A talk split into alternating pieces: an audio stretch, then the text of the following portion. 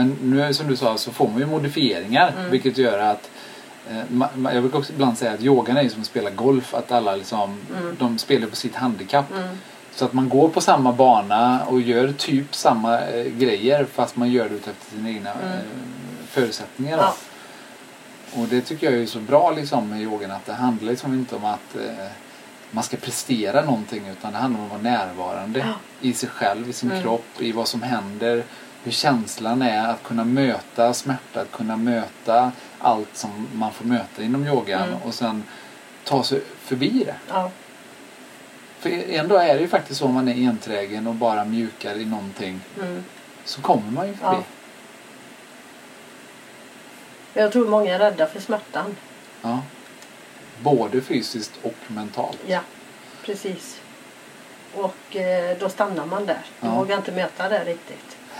Jag vet inte hur många gånger jag har hört folk säga så här. Nej, den yoga den var inte bra för mig. Jag fick ont Ja, av det. Ja. Eller nej, jag, det var inte min grej riktigt. Och jag kan säga varenda gång utav de tillfällena så kan jag bara se att det beror på att personen inte klarat av att möta begränsningarna som Mm. de har haft. Liksom. Mm. Och trott att då är de inte bra på yoga. mm. Fast i själva verket så är det när man klarar av att se att this is it, det här är jag, det är Mm. vad jag klarar just Mm. idag. Då är man, det är ju då man är bra på yoga. Mm. Att, att man bara accepterar att så här är det. Mm. Och sen ta sig därifrån och göra en liten, liten förbättring. Mm. Tänker ju ofta på det här, vi pratar om japanska grejer, så här kaizen. De här kaizen, stegen om små förändringar. Mm. Jag känner du till det? Nej. Nej. För kaizen, eh, det är någonting som har använt mycket genom Toyota, Suzuki, de här bilindustrierna och så. Ja.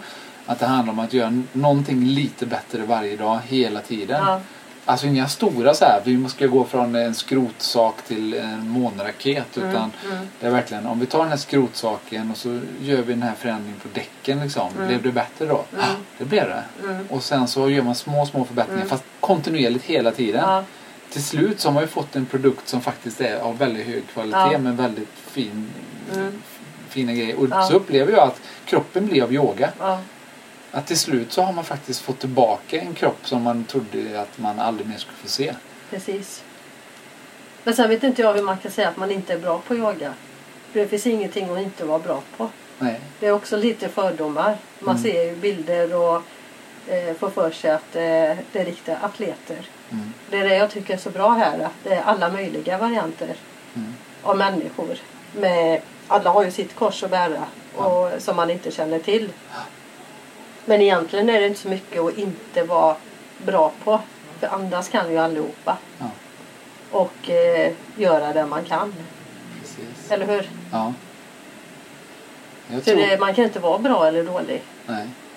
Och jag tror att liksom Ulrika framförallt då, det är ändå hon som är huvudfiguren på Mm. yoga. Att Mm. hon har verkligen försökt implementera det i alla lärarna och alla som yogar det här att det handlar inte om att du ska vara bra på någonting. Kom Nej. hit bara, rulla ut mattan. Ja.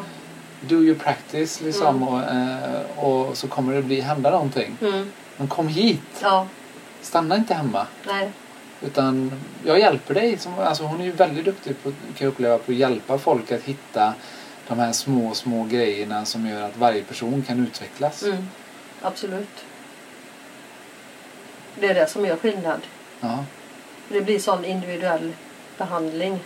Om du går på Friskis och Svettis eller går på något gym så är du då ska alla göra samma saker även om inte alla har förutsättningar för att göra Mm. samma saker. Och här är det verkligen individanpassat. Mm. Så bara den uppmärksamheten, den behandlingen och hela det tankesättet, det finns ju inte någon annanstans. Nej. Det är helt alltså varje gång jag tänker på det så blir man ju helt förvånad. Så det är därför jag säger att det är det bästa beslutet Ja. som jag har tagit att börja här. För det har varit så stora vinster. Ja. Jag vågar inte ens tänka på hur jag hade mått om jag inte hade börjat här. Nej. Kanske gått på massa starka tabletter eller vad som helst. Kanske varit deltidssjukskriven. Man vet aldrig. I mitt fall kan jag säga att jag hade varit död.